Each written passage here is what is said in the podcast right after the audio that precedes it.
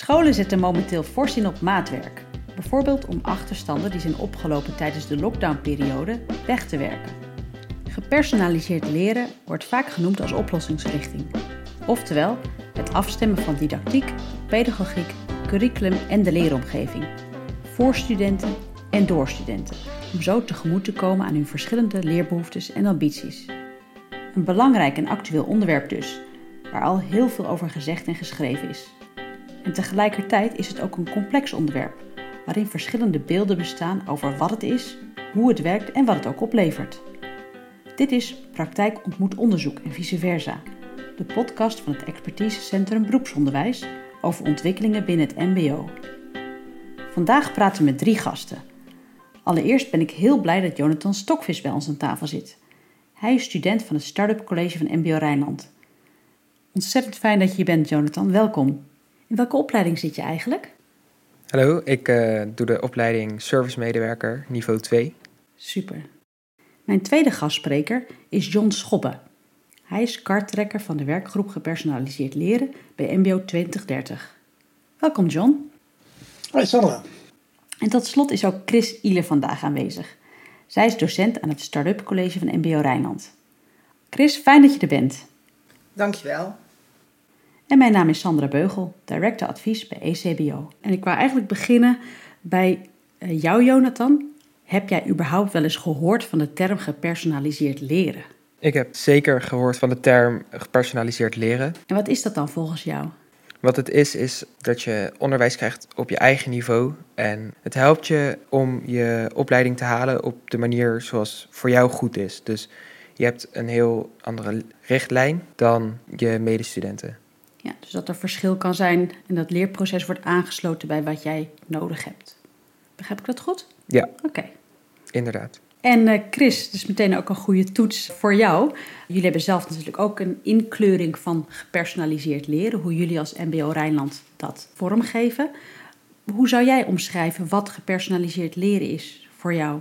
Gepersonaliseerd leren richt zich erop dat de student eigenaar wordt van zijn eigen leerweg, zodat hij straks ook beter toegerust is op de toekomst en op het eh, toekomstige werken in onze samenleving.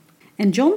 Het kernbegrip voor mij is zelfregulatie zelfregie. En daarbij is zelfregulatie zowel voorwaarde als doel van je onderwijs. Nou, goed om in ieder geval te horen wat jullie uh, onder gepersonaliseerd leren verstaan. Ik ben ook nog heel nieuwsgierig, waarom is het eigenlijk nodig? Jonathan, misschien mag ik jou als eerste weer de vraag stellen. Waarom vind jij het belangrijk dat het onderwijs ook op jouw wensen wordt afgestemd? Ik vind het zelf heel fijn dat we dat hebben, omdat het eigenlijk maakt dat mijn opleiding echt mijn eigen is en niet iets wat echt wordt gedaan als in boeken. Dus als ik bijvoorbeeld het moeilijk vind om naar school te gaan, dat ik dan een aangepast rooster kan krijgen of iets. En dat helpt mij heel erg om zeg maar gemotiveerd te blijven en mijn opleiding te willen doorzetten en te kunnen halen. En toen je een school zocht, heb je toen ook eh, juist deze school gekozen omdat zij gepersonaliseerd leren aanboden? dat is zeker een van de redenen geweest. Omdat ik vind school niet altijd even leuk. En gemotiveerd blijven is dan best lastig. En door dit traject is zeg maar, het wel meer te overzien. En uh, Chris, jullie zijn een aantal jaar geleden als MBO Rijnland... hebben jullie de slag gemaakt, de omslag naar gepersonaliseerd leren. Wat waren voor jullie aanleidingen om voor dit concept te kiezen? Nou ja, met name dat regie nemen. Hè? Dat een student eigenaar wordt van zijn eigen leerweg. Dat is ook hè, de rest van je leven zul je eigenaar moeten zijn van de route die je gaat lopen. En daar kan je niet vroeg mee genoeg mee beginnen. En hè, er bestaan wel eens misverstanden dat het niet voor elke leeftijd of voor elke doelgroep is. Maar voor iedereen, hè, iedereen kan tot op zekere hoogte passend bij wat voor jou, nou ja, passend is, dat is een beetje stomme zin, maar passend bij jou regie nemen. En dat zul je later ook moeten doen. Een opleiding bestaat uit een curriculum of een einddiploma, maar de weg daar naartoe die kan voor iedereen anders zijn. En zo maak je dat studenten meer betrokken worden bij hun eigen leerproces. Ze doen het niet voor mij, ze hoeven niet voor de docent een opleiding te halen, maar ze moeten het voor zichzelf doen. Je noemt net eigenlijk al een uh, verwijzing naar misvattingen over gepersonaliseerd leren, wat het wel is of wat het misschien ook wel helemaal niet is. Bijvoorbeeld dat sommige mensen zeggen: het is niet voor alle studenten gepersonaliseerd leren. Wat Wat zou jij tegen uh, zo iemand zeggen die denkt dat dit niet voor elke student mogelijk is? Nou, ik denk dat het voor iedereen mogelijk is. De mate waarvan die zelfregulatie of die zelfregie is, dat is natuurlijk afhankelijk van de persoon. En dat geldt voor iedereen. Eh, kleuters, kinderen, ouderen. Iedereen kan tot op zekere hoogte regie nemen en doet dat natuurlijk ook. En wat wij op school doen is binnen dat gepersonaliseerd leren ook kijken wat bij de student past. En bij de ene zal dat wat meer loslaten zijn, bij de andere nog wat meer hand in hand of misschien nog wat directiever. Maar wel richting dat eigenaarschap. En John, eh, tot slot jou ook de vraag. Wat zijn wat jou betreft de belangrijkste aanleidingen en redenen waarom uh, nou ja, dit zo'n hot onderwerp is? Nou, als je kijkt naar de onderzoeken die daarover gaan, er is nog weinig effect onderzoek in de zin van een heel ROC heeft gepersonaliseerd leren ingevoerd of een opleiding draait al jaren en dat kunnen we afzetten tegen zeg maar even traditioneel onderwijs. Maar wat we wel weten uit onderzoek is bijvoorbeeld, we weten dat de wereld om ons heen steeds sneller verandert. En als je geleerd hebt om je eigen leerprocessen vorm te geven, dan ben je succesvoller in je loopbaan dan wanneer je afhankelijk bent van nascholingen georganiseerd door een werkgever bijvoorbeeld. Dat weten we.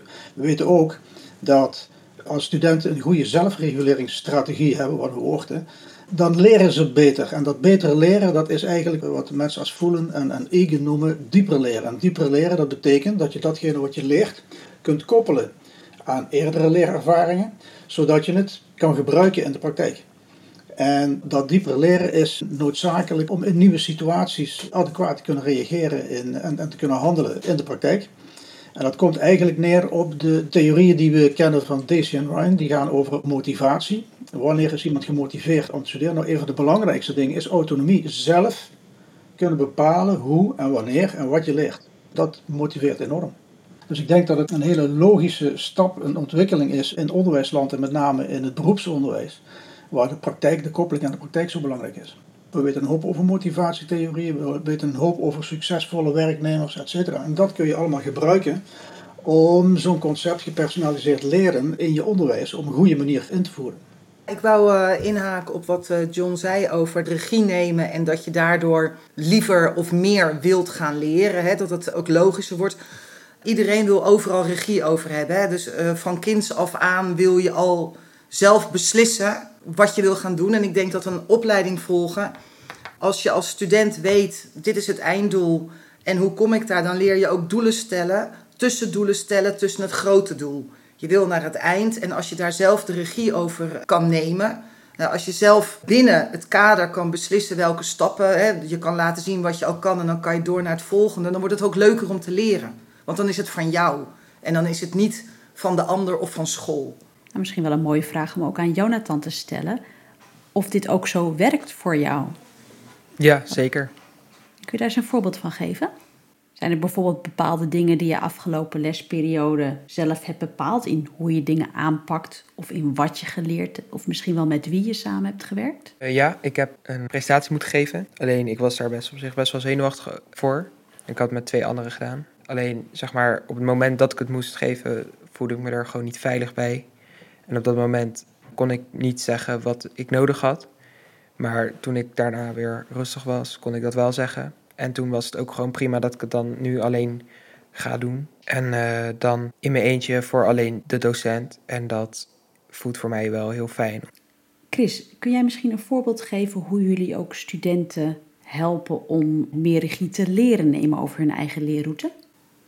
Ja, natuurlijk. Kijk, regie nemen dat is moeilijk. En het grappigste is altijd dat men denkt dat studenten of kinderen of jongeren niet kunnen plannen. Dat is natuurlijk een misvatting, want iedereen komt met kleren aan uh, ergens. Hè? Dus je hebt leren plannen. Waar trek je eerst aan? Eerst je onderbroek of eerst je sokken? Hè? Dat, dat is ook plannen. En soms is die vertaalslag naar onderwijs een beetje lastig voor studenten of voor de buitenwereld. Wij werken met niveau 1, 2. Oh, die kunnen niet plannen. Nou, dat is onzin. En wat wij doen is door middel van een logboek hebben wij coachgesprekken, die zijn wekelijks. En in dat wekelijkse coachgesprek bekijken wij wat is nou je einddoel. Nou, einddoel is een diploma bijvoorbeeld. Wat is je tussendoel? Nou, ik wil aan het eind van deze periode moet ik een aantal dingen laten zien. En welke stapjes gaan daaraan vooraf? En dat is wat je met de student bespreekt. En dat noemen we plannen. En voor de een is dat wat makkelijker dan voor de ander. Maar hoe kleiner de stapjes of hoe groter stapjes, dat is dan het gepersonaliseerde pad, zal ik maar zeggen. En hoe lukt het jou, Jonathan, om te plannen? Heb je het inmiddels al aardig geleerd of vind je het nog lastig? Ik vind plannen juist heel erg belangrijk, omdat je dan een helder beeld kan krijgen wat je moet doen en wat je gaat doen. Ik heb hier zelf wel moeite mee. Ik heb zelf ADHD, dus uh, plannen is voor mij wel een dingetje. En daar krijg ik genoeg begeleiding bij van school, maar ook van buitenschool. En ja, het is eigenlijk best wel grappig dat doordat je gewoon dingen opschrijft, het beter kan onthouden en weten wat je moet doen. Plannen is lastig als je niet weet wat je gaat plannen. Wat je aantrekt s ochtends is logisch, want naakt gaat niemand de deur uit. Maar als je niet weet wat je moet plannen, is dat ingewikkeld. En doordat je in het gepersonaliseerd onderwijs eigenlijk eerst laat zien: dit is het einddoel, hier gaan we naartoe, deze stappen hangen daaraan vooraf. Dan kunnen we met elkaar gaan plannen en kan je gaan kijken welke stap kan je al, welke kan je overstaan, welke moet je drie keer doen. Dat is het gepersonaliseerde stuk. Dus plannen wordt makkelijker als je het einddoel weet. En dat is eigenlijk eh, eh, wat voor mij betreft de basis ook van gepersonaliseerd onderwijs. Laat zien waar we heen gaan en dan terugkijken naar beneden en dan weer terug omhoog. En wat heb je dan nodig? Ik ben eigenlijk heel nieuwsgierig of jij daar een voorbeeld bij hebt, Jonathan. Uh, ja, ik ben niet heel goed in rekenen. Ik heb aardig wat achterstand daardoor. En voor mijn vervolgopleiding moet ik 3F kunnen rekenen. En ik doe nu 2F en daar heb ik het best wel lastig mee. Dus een, een groter doel is dat ik over ongeveer zo'n anderhalf jaar, als de opleiding klaar is, dat ik dan op 3F niveau gewoon mee kan doen. En daar ga je nu met school samen stapjes in zetten om uh, dat te bereiken. Ja, dat uh, klopt.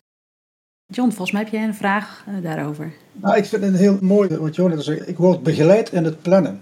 En wat een beetje opgang doet, dat was ook jouw vraag van wat weten we aan platitude over gepersonaliseerd leren. Ik zeg, wat, uh, ja, dat, dat plannen dat kan helemaal niet, want het puberbrein, het adolescentenbrein, dat is zich nog aan het ontwikkelen. Dus dat moet je laten uitontwikkelen. Ze kunnen nog helemaal niet plannen. Nou, dat betekent, dan zit je in het nature-nurture verhaal. Ben je van nature, ontwikkel je vanzelf of moet je ook dingen leren? Nou, naarmate je dat alleen maar via ontwikkeling laat verlopen, zul je tot een bepaald niveau van planning komen. Ga je dat ondersteunen met begeleiding? Ga je dat op school leren? Daar is een school voor tenslotte. In de leeftijd waarop je daar aan toe bent, en dat is de puber en de adolescent, dan ga je dat plannen op een veel hoger niveau ontwikkelen dan wanneer je dat alleen maar laat groeien. En dat is de reden waarom het ontzettend belangrijk is om in die periode begeleid te leren plannen, waardoor dat veel efficiënter en krachtiger wordt. En daar heb je je hele leven plezier van. En het zou toch te gek zijn als je dat als school niet gebruikt om in te zetten om mensen zo'n cadeautje mee te geven voor een hele leven. Ik heb eigenlijk nog een misvatting die ik tegen jullie aan zou willen houden. Want ik hoor ook nog wel eens mensen zeggen in het onderwijs dat gepersonaliseerd leren vooral gericht is op studenten die sneller willen. Chris, hoe zie jij dat? Nou, dat is niet per definitie zo. Gepersonaliseerd leren is voor iedereen. Maar daarbinnenin, omdat je de zelfregie neemt, omdat je je route uit kan stippelen, natuurlijk binnen het kader van opleiding, eh, leidend naar een diploma, kan het wel zijn dat iemand sneller gaat. Het kan ook zijn dat iemand langzamer gaat. Het is wat bij jou past. Het kan ook zijn dat je bijvoorbeeld, nou even Jonathan met zijn rekenen, dat je daar misschien wat langer tijd voor nodig hebt dan bijvoorbeeld eh, voor Nederlands. Ik noem maar even wat. Hè. Dus het wil niet zeggen dat je hele opleiding sneller gaat. Dat is niet het uitgangspunt van gepersonaliseerd leren. En wat betekent dit dan voor het groepsproces? Blijf je bijvoorbeeld wel dan in dezelfde klas zitten of ga je juist met kleinere andere groepjes dan samen optrekken? Ja, wat we nu uh, aan het uh, bekijken zijn, wij zijn nu als, uh, als, als MBO Rijnland Startup College hier nu drie jaar mee bezig. We hebben vier jaar om dit eigenlijk helemaal mooi neer te zetten. En gepersonaliseerd leren vraagt niet alleen maar een student en doelen stellen en begeleiden, maar vraagt nog meer ook roosters. Lokalen zijn vaak nog steeds leidend, roosters zijn vaak nog steeds leidend. Wat we wel proberen is dat je, nou even een eng woord, niveaugroepen. En dat klinkt eng, maar dat bedoel ik helemaal niet zo. Hè, maar dat je zou kunnen zeggen, nou eventjes uh, rekenen als voorbeeld laten. Ik zit nog bij de breuken. Iemand anders zit bij optellen of uh, procenten. En dat je dus naar de procentenclub kan of naar de breukenclub omdat dat nog het stukje is wat je extra wil oppakken. Zodat je dan niet met z'n allen in de klas naar het algemene rekenen zit te luisteren. En denkt, ja, dit kan ik al, wat doe ik hier? maar dat je gepersonaliseerd aan de slag kan. En dat is zeker ook groepsgewijs. En dat is zeker ook samenwerken. Gepersonaliseerd leren betekent helemaal niet dat je alles in je eentje doet. Juist niet. want we moeten ook leren samenwerken. We moeten ook leren overleggen. Dat moet je ook de rest van je leven nog. Maar dat je wel in, uh, met gelijkgestemden of mensen die op dezelfde route zitten als jij. Maar dat kan ook in een klas. Je kan je ook voorstellen dat er in één lokaal, in clubjes, mensen met een andere opdracht bezig zijn. En John, er is in de literatuur ook best wel wat bekend over eh, het belang van sociale processen in leren. Tegelijkertijd wordt individueel leren ook wel eens gelijkgesteld dat het hetzelfde zou zijn als gepersonaliseerd leren. Het feit dat je individuele leerroutes hebt, wil niet zeggen dat je dus geen samenwerkingsdoelen hebt. Dat zijn twee hele verschillende zaken. Helaas wordt het af en toe door elkaar gehaald. Dat is net zo'n bakenpraatje als uh, laat die hersens nou maar zich ontwikkelen, want ze kunnen niet plannen. Nou, en dat is alleen maar individueel. Nou, dat zijn van die platituden waar je af en toe uh, even tegen moet ageren. Maar het is soms hardnekkig. Klopt, klopt, ja. Nou, ik wilde wel aan toevoegen dat als je ook in één ruimte waarin mensen met verschillende doelen werken, kan het ook mooi zijn om te zien dat iemand anders wat anders doet dan jij. Dat je elkaar kan helpen, dat je elkaar kan ondersteunen, maar dat je ook van elkaar kan leren. En wat John zegt, dat kom je de rest van je leven nog tegen. Samenwerken is overal. Je kan elkaar ook helpen. En dat is ook weer een, uh, dat kan je ook weer een goed gevoel geven als student dat jij geholpen kan worden door iemand anders. Hè? Of dat jij iemand anders kan helpen. En Jonathan, hoe vaak werk je eigenlijk samen met anderen in je klas? We proberen eigenlijk zoveel mogelijk samen te werken, omdat het voor je persoonlijke ontwikkeling gewoon heel erg goed is. En hoe vind je dat? Ja, soms nog best wel moeilijk. Ik heb uh, hiervoor namelijk in een klas gezeten met maar één iemand anders. Dus het is voor mij heel erg wennen om in een klas van 20, 25 personen te zitten ik vind het gigantisch druk. Maar voor de rest, ik vind het wel heel belangrijk om samen te werken. En het lukt ook gewoon goed. En ik merk gewoon zelf dat ik heel veel van anderen kan leren. Maar anderen kunnen ook heel veel van mij leren. En dat is wel heel erg goed voor iedereen's ontwikkeling. Precies, ja, dan gaat school veel verder dan alleen maar de vakinhoud of de beroepsinhoud. Dan heb je het ook over je eigen vorming als mens en hoe je samenwerkt met anderen. Mooi voorbeeld. Ja, inderdaad. Dat is natuurlijk ook belangrijk. Hè? We zijn een beroepsopleiding. En in een beroep moet je altijd samenwerken met iemand. En dat begint op school. Wat zijn nou eigenlijk belangrijke randvoorwaarden en condities om gepersonaliseerd leren mogelijk te maken? Nou, dat is eigenlijk dat de, de, totale organisatie erop gericht is om dat mogelijk te maken. Dat niet alleen docenten, maar teams de ruimte krijgen om die andere manier van werken toe te gaan passen. En dat vraagt nogal wat. Dat vraagt van een college van besturen vertrouwen dat dat de visie en de richting is die je moet opgaan. Het vraagt van managers vraagt het om uh, mensen tijd, ontwikkeltijd te geven om dat ook in te gaan richten. Want ze moeten echt anders gaan werken dan het verleden. Het vraagt van roosteraars en van planners vraagt het om hun klassieke beelden los te laten over groepsdenken, over leerstofjaarklassensystemen, over badges met TCH en niet badges met een D, maar badges dus van die van die groepen mensen die je op dezelfde manier door een systeem jaagt. En dat betekent, eh, het vraagt ook enorm veel van de professionaliteit van de, van de docent. Op een andere manier werken dan alleen naar vaktechniek kijken, maar ook kijken naar heel veel aandacht voor je didactische werkvormen, je didactische waaier zo groot mogelijk maken om zoveel mogelijk mensen te laten studeren zoals zij dat willen. Dus ook voor de professionalisering van docenten vraagt het een hoop. Oftewel, de hele organisatie is in beweging. En dat vraagt nogal wat van uh, verschillende afdelingen en verschillende organisatieonderdelen in zo'n groot apparaat als een ROC, waar afdelingen uiteraard één en hetzelfde einddoel hebben, maar wel allemaal eigen subdoelen hebben. En die subdoelen die moeten op elkaar afgestemd zijn. Een subdoel van een roosteraar is dat het roosteraar klopt. Het subdoel van een HRM is dat de salarissen uitbetaald worden en dat de scholingsgelden goed uitgegeven worden. Enzovoorts. En zo heeft iedereen subdoelen maar je zult uiteindelijk dat ene hoogste doel moeten pakken, dat je één onderwijsvisie hebt, je, dat je daar snel aan bijdraagt. En dat is enorm complex. Dat noemen we in de onderzoekswereld systems thinking. Je kijkt naar het totale systeem en je kijkt wat een vernieuwing vraagt van al die facetten die te maken hebben met die ene verandering.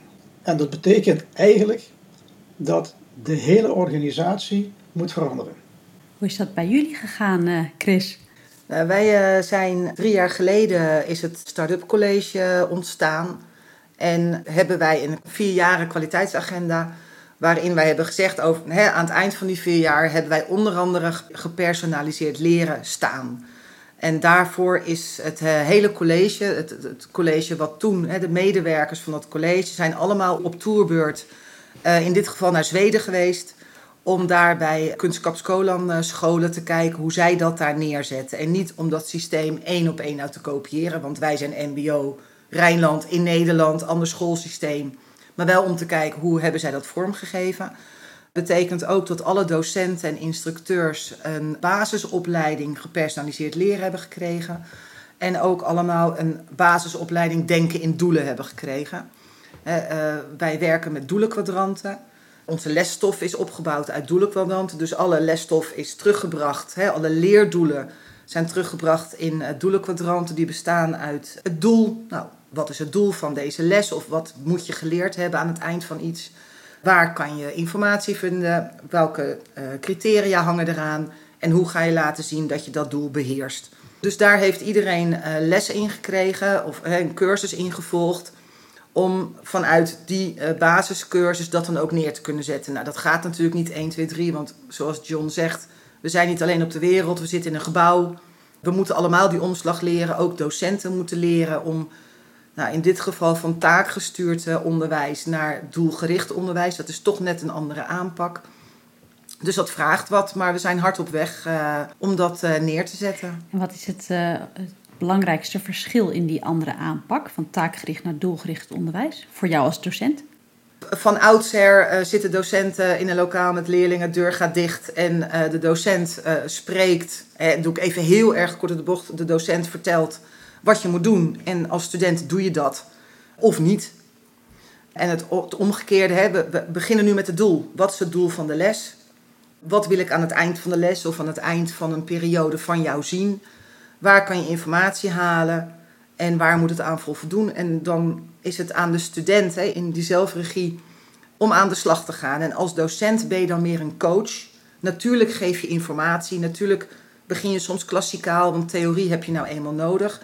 Maar hoe de student vervolgens omgaat of die theorie verwerkt naar het eindproduct, dat is het gepersonaliseerde stukje. En daarin is een docent naast docent dus ook coach. Lijkt me best wel spannend als je misschien van oudsher veel meer een expert bent als docent, dat je nu opeens coach ook moet worden. Heb je ook veel weerstanden gezien bij jou of in, je, in jouw team? Nou ja, weerstanden. Voor sommige docenten is het lastig omdat je moet eigenlijk dat denken wat je hebt geleerd, hè, ook op de PABO of op school of wat je al jaren doet, moet je omzetten en je moet ook durven loslaten. Want als de student de regie neemt, hè, of eigenaarschap, want dat is eigenlijk wat we willen, dan moeten we soms ook naar de student luisteren. En dan kom je soms wel op een soort spagaat tussen wat je als school belangrijk vindt en wat een student belangrijk vindt. En daarin komt dat plannen dan weer terug. Dat je kijkt, oké, maar wat heb je nou eigenlijk nodig? En dat zal per student dus ook verschillen. Dat betekent dat je meer individueel bezig bent binnen de groep. En dat botst soms wel eens bij een docent intern. En hoe worden jullie op dit moment daar ook nog in geholpen als docent of als team om daarin verder te groeien? Nou, wij hebben naast dat we allemaal uh, die basiscursus hebben gedaan, heeft elk team een gepersonaliseerd leren expert. En die coacht de docenten op de werkvloer. Dus soms door een klassenbezoek, soms door individuele gesprekken. Maar elk team heeft dus een eigen coach die het team coacht. Je zou kunnen zeggen dat ook jullie eigen begeleiding gepersonaliseerd is, zodat ja, zowel op teamniveau als op docentniveau wordt gekeken wat heb jij nodig om hierin te groeien. Absoluut, denken in doelen voor iedereen. Ja, ook de docent eh, stelt doelen en maakt stappen hoe die daar komt eh, met behulp van de coach, net zoals we dat eigenlijk ook doen met onze studenten. Dat klopt. Hey Jonathan, Jij uh, hebt natuurlijk niet drie jaar lang het hele start-up college kunnen volgen, want toen zat je nog helemaal niet op school. Maar wat vind jij nou het allerfijnste aan hoe docenten aan jou lesgeven? Het fijnste wat ik uh, eraan vind is dat ze allemaal afspraken weten die er zijn gemaakt tussen mij en mijn SLB'er. Dat wordt gewoon goed, zeg maar, gezegd van tevoren van, joh, dit en dit en dit en dit is er besproken en zo ga je het gewoon doen. En als het niet lukt, dan ga ik dus naar mijn SLB'er. En communicatie is, is gewoon goed, waardoor ik er eigenlijk alleen maar veel profijt van heb. Je zegt net iets over een SLB'er. Wat is dat precies? Een SLB'er is je studieloopbaanbegeleider. En je kan het een beetje vergelijken met een eh, mentor. Alleen het is iets breder dan een mentor. Dus zeg maar, je SLB'er die neemt je echt mee aan de hand. En die is gewoon streng op het moment van, joh, je doet gewoon helemaal niks. Dan krijg je dat te horen. Maar als je het goed doet, krijg je dat ook te horen. Dus als je goed begrijpt, helpt hij je bij de voortgang van je hele opleiding? Ja, inderdaad. Nou, wat uh, Jonathan zegt hè, over SLB en dat andere docenten ook weten waar je mee bezig bent of op welke lijn je zit als student. Wat wij heel belangrijk vinden is dat we met elkaar om de student heen staan. En dat betekent dat niet alleen je mentor of je SLB'er jouw pad is, want soms zie je die maar één keer in de week. En om dat uh, meer als team te gaan te dragen, beginnen wij elke dag en sluiten wij elke dag met een dag start en een dag sluit met docenten waarin de lopende zaken van de dag, maar soms ook studenten worden besproken, zodat we met elkaar weten waar iemand zit. dat, het, dat het niet zo is dat je als student alleen maar begeleid wordt als je een SLB-uur hebt, maar dat we met elkaar zorgen dat die studenten gezien, gehoord en begeleid worden. En Jonathan, heb je ook nog tips voor jouw docenten? Ik denk dat het soms ook wel goed is om een student gewoon even op zijn plaat te laten gaan, zeg maar. En gewoon even gewoon de harde waarheid, zeg maar, dat, dat hij er zelf achter komt in plaats van dat het hem voorgeschoten wordt en dat hij er uiteindelijk niet mee kan omgaan later, omdat hij het nooit heeft gehad, zeg maar. Nou, dat haakt een beetje aan op wat ik net zei over, de, hè, over die tweestrijd van een docent soms. Wanneer laat ik los en wanneer neem ik de regie? En we zijn natuurlijk als docenten uh, gewend om voor onze studenten te zorgen om te proberen te voorkomen dat er iets misgaat, om te proberen te voorkomen. Hè? Dus, en natuurlijk wil je niet dat er iets misgaat, maar ook binnen dat gepersonaliseerde leren kan het soms goed zijn, en dat ben ik met Jonathan eens, dat je eens eventjes nou ja, eh, onderuit gaat. Dat lijkt me ook weer een beetje lullig, maar dat je eh, ziet wat, het, wat er gebeurt als je iets niet doet. Hè? Dus dat we niet van tevoren als docenten gaan redderen. Maar ook dat past, wat mij betreft, ook binnen die gepersonaliseerde leerweg omdat hè, als we dat met elkaar goed doen en we, we met elkaar goed onze studenten zien, dan weten we ook op welk moment we moeten loslaten. En op welk moment we iemand toch even moeten optillen of moeten vasthouden. En dat is per student verschillend. Heb jij, John, vanuit de literatuur nog do's en don'ts? Nou, die, die hoor je ook dwars door de verhalen van Jonathan en Chris heen. Als je kijkt naar, het, naar de transitie waar we in zitten. En dat is in de coronatijd ook heel sterk naar voren gekomen in bijvoorbeeld in onderzoeken van Jan Hagedorn met, met haar proctoraat uh, professionaliseren. Dan zie je dat er een transitie aan de gang is van de stof afkrijgen naar doelen realiseren. En in de coronatijd werd het voor een heleboel docenten heel erg duidelijk dat de stof afkrijgen, dat was niet meer de weg. Want dat denkt in roosters, in vakken, in kennis en de rol van de docent als uh, de stof afkrijgen. Maar in die coronatijd werkte dat niet. En veel docenten gingen spontaan over op doelen halen. En doelen halen is een andere manier van werken. Dat heeft ook andere taal en een andere cultuur. Dan heb je het over een docent die in een team werkt, die met SLB'ers en coaches samen kijkt naar de ontwikkeling van, eh, van de student. Dat betekent ook dat je met learning analytics kijkt van uh, hoe ver zijn mensen, waar zitten uh, successen, waar moet bijgespijkerd worden, waar is wat meer tijd nodig, waar wat minder tijd. Dus je zit in een andere mindset, ook als docent, dan het traditionele. Ik heb maandag om het zevende uur geef ik dat en dat en dat. En na een semester heb ik mijn stof af. Het gaat er niet om dat de docent de stof af heeft, het gaat erom dat de leerling zijn doelen bereikt. En dat is een andere manier. Dus je bent minder bezig met onderwijzen en meer bezig met leren.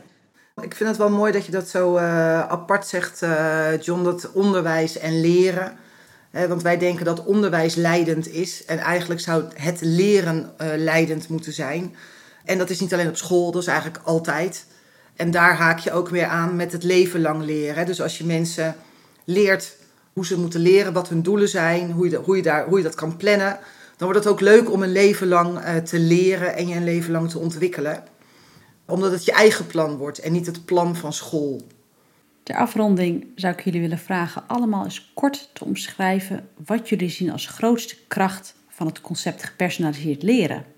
Wat het voor mij persoonlijk het beste aan gepersonaliseerd leren is, is dat het mij een soort vrijheid geeft. Dat ik niet een gevangenisgevoel heb van ik zit hier en ik zit hier alleen maar omdat het moet. Maar ja, ik kan gewoon hier mezelf zijn en dat komt ook mede door de docenten en hoe ze zijn en mijn klasgenoten. En ja, dat geeft me toch een soort vrijheid. En ik denk dat dat het fijnste is aan gepersonaliseerd leren. En Chris, wat is voor jou de grootste kracht van het concept gepersonaliseerd leren? Eigenaarschap. Kijk, we hebben, we hebben het alsmaar over studenten als een, als, als een groep. Maar een groep bestaat uit individuen. En als je eigenaarschap over je eigen leerweg uh, neemt, dan word je je ook bewust van wat je wel en wat je niet kan. En ook wat je nog nodig hebt om te komen waar je wil komen. Dat is ook belangrijk voor later. Je kan op zoveel verschillende niveaus in de maatschappij opereren. En dat, en dat leer je alleen maar als je ook leert van jezelf waar je goed in bent, waar je minder goed in bent, waar je hulp bij nodig hebt. Ja, eigenaarschap. Dat vind ik de grootste kracht. En daarnaast, maar dat is dan, eh, hè, als je het hebt over de hele toestand, dat je als docenten veel meer samen gaat werken om die student daarin te begeleiden. En John, wat is voor jou de grootste kracht? Ja, eigenlijk is het het verschil tussen opleiden voor een diploma en opleiden voor het leven. En in mijn onderzoeken die ik gedaan heb op scholen die daar verder mee waren, dan gaf een student een keer uh, een antwoord. Uh, ik vroeg van, van wat vind je nou zo bijzonder aan deze school? En zij zei, ik leer hier niet dingen die in de boeken staan, maar ik leer dingen waar je de rest van je leven wat aan hebt. En ik leer richting te geven aan mijn eigen leven en, keuzes te maken.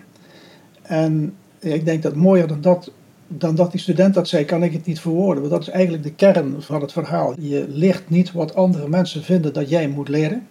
Je kijkt naar je eigen ontwikkeling en je gaat met mensen sparren, met, met medestudenten, met docenten, ga je sparren over, hey, wat zou mijn next step zijn? En, en Chris zei dat ook al, Jonathan geeft dat ook aan. Dat sleutelwoord is dus inderdaad die zelfregie leren ontwikkelen. En dat is de kracht van gepersonaliseerd leren. Nou, ik moet er opeens aan denken, want we roepen alsmaar, we, we, ik moet dit en ik moet dat en ik moet zus. En dat is ook zo natuurlijk. Maar als je iets wil, hè, ik wil een diploma halen, dan moet ik niet Nederlands, maar dan wil ik het uiteindelijk ook Nederlands, want anders kom ik daar niet. En dat zit ook in die zelfregie. Dus het, het is niet meer dat je moet Nederlands, maar ik wil Nederlands, want ik wil verder. John, in het begin hadden we het over de verschillende beelden die mensen hebben over gepersonaliseerd leren. En daarbij komt ook vaak de term differentiatie naar voren. Mhm. Is gepersonaliseerd leren hetzelfde als gedifferentieerd leren? Ik heb het gehad over het verschil tussen onderwijzen en leren. En differentiëren komt uit de wereld van het onderwijzen. Daar kijk je naar wat moeten ze leren, wie is wat verder, wie is wat minder ver. Ik kan uh, ik kan ze groepjes bij elkaar zetten of ik kan ze per vak kan ik ze uh, op een andere manier benaderen. En dan ga je dus vanuit het onderwijsparadigma ga je verschillen maken in groepen. Bij gepersonaliseerd leren heeft iedere uh, student zijn eigen leerroute en zijn eigen ontwikkelmogelijkheden en kansen die ingevuld worden. Dus een hele andere manier van tegen de wereld aankijken. En er zitten natuurlijk uh, overeenkomsten in, want het zijn twee kanten van dezelfde medaille. Als men het heeft over modulariseren en flexibiliseren, dat is de onderwijskant van gepersonaliseerd leren. Want wil je gepersonaliseerd gaan leren, dan zul je op een of andere manier je onderwijs anders moeten structureren dan in het verleden.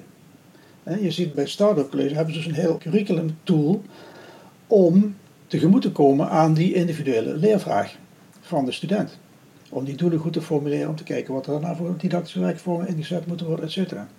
En op dat moment zul je differentiëren bijvoorbeeld in werkvormen. Maar het is de onderwijsvertaling van het leerbegrip. En het is best wel fijn en prettig als je die dingen in handelen en in onderzoek uit elkaar houdt. Kijken jullie daar ook zo naar, Chris? Ja, nee, eh, John heeft het fantastisch uh, verteld. Het grootste verschil is dat wie is leidend? He, ben ik als docent leidend of is de student leidend met zijn vraag? En natuurlijk hebben we in onderwijs te maken met eindprocessen, werktermen en dat soort dingen. Want eh, een diploma bestaat nou eenmaal op dit moment nog uit een x aantal dingen die je moet hebben gedaan. Maar de student zijn eigen leerroute bepaalt op welk moment hij instapt. Nou klinkt dat heel mooi en dan beginnen we natuurlijk allemaal aan het begin. Maar al gaande het proces, hè, als je van boven naar beneden kijkt, wat is het einddoel, wat heb jij nodig en wat is jouw pad, dan is het een gepersonaliseerde route waarin natuurlijk gedifferentieerd kan worden. Maar het is wat John zegt, het ene komt het ander tegen. En dat is nog ook wel een beetje het spanningsveld, maar dat is ook iets wat we met elkaar nog gewoon beter uh, moeten leren. Ja. We zijn nu, nou drie jaar op weg en we zijn nog steeds niet klaar. He, een misvatting is ook dat je het even neerzet en dan ben je er, want het vraagt echt wel een omslag. Nou, je kunt in, in, een, in een podcast kun je natuurlijk nooit een, zo'n zo complex onderwerp volledig pakken. En er is gewoon erg veel bekend. Je kunt je oriënteren, Zweden werd net genoemd, eh, op de kanon beroepsonderwijs vind je lemma's die gaan over gepersonaliseerd leren. Er zijn al goede voorbeelden in het land. Er is een, een beweging MBO in 2030 die onder andere met gepersonaliseerd leren als kernonderwerp aan de slag is. Er zijn onderzoekswerkplaatsen die zich bezighouden met gepersonaliseerd leren. Er is een, een doorpak op digitalisering dat zich bezighoudt met, met gepersonaliseerd leren. Dus er is heel veel te koop en dat kunnen we in een podcast niet allemaal uiteenzetten. Maar als je eenmaal begint te oriënteren, dan, dan kom je een heel eind. En een leuk begin is bijvoorbeeld de kanon beroepsonderwijs, waar je twee lemma's vindt daarover. Wil je meer weten over differentiatie en gepersonaliseerd leren? Lees dan het overzichtsartikel op www.onderwijskennis.nl. En kijk ook het webinar dat ECBO over hetzelfde onderwerp organiseerde. Hierin wordt verder ingegaan op wat gepersonaliseerd leren vraagt van het team, de arbeidsorganisatie. De link staat ook in de show notes. En dan dank ik nu onze gasten hartelijk. John, Chris en Jonathan, super fijn dat jullie vandaag aanwezig waren om met ons te praten over gepersonaliseerd leren. Dit was de podcast Praktijk ontmoet onderzoek en vice versa. De podcast van ECBO. Deze podcast is onderdeel van het programma Kennisverspreiding Beroepsonderwijs, dat ECBO uitvoert met subsidie van het NRO. Je luistert deze podcast na via ecbo.nl of je favoriete podcast-app. Vond je het interessant of nuttig? Vertel dat niet alleen aan ons, maar ook aan je collega's. En heb je vragen? Mail ons dan gerust via info.ecbo.nl. Tot de volgende podcast.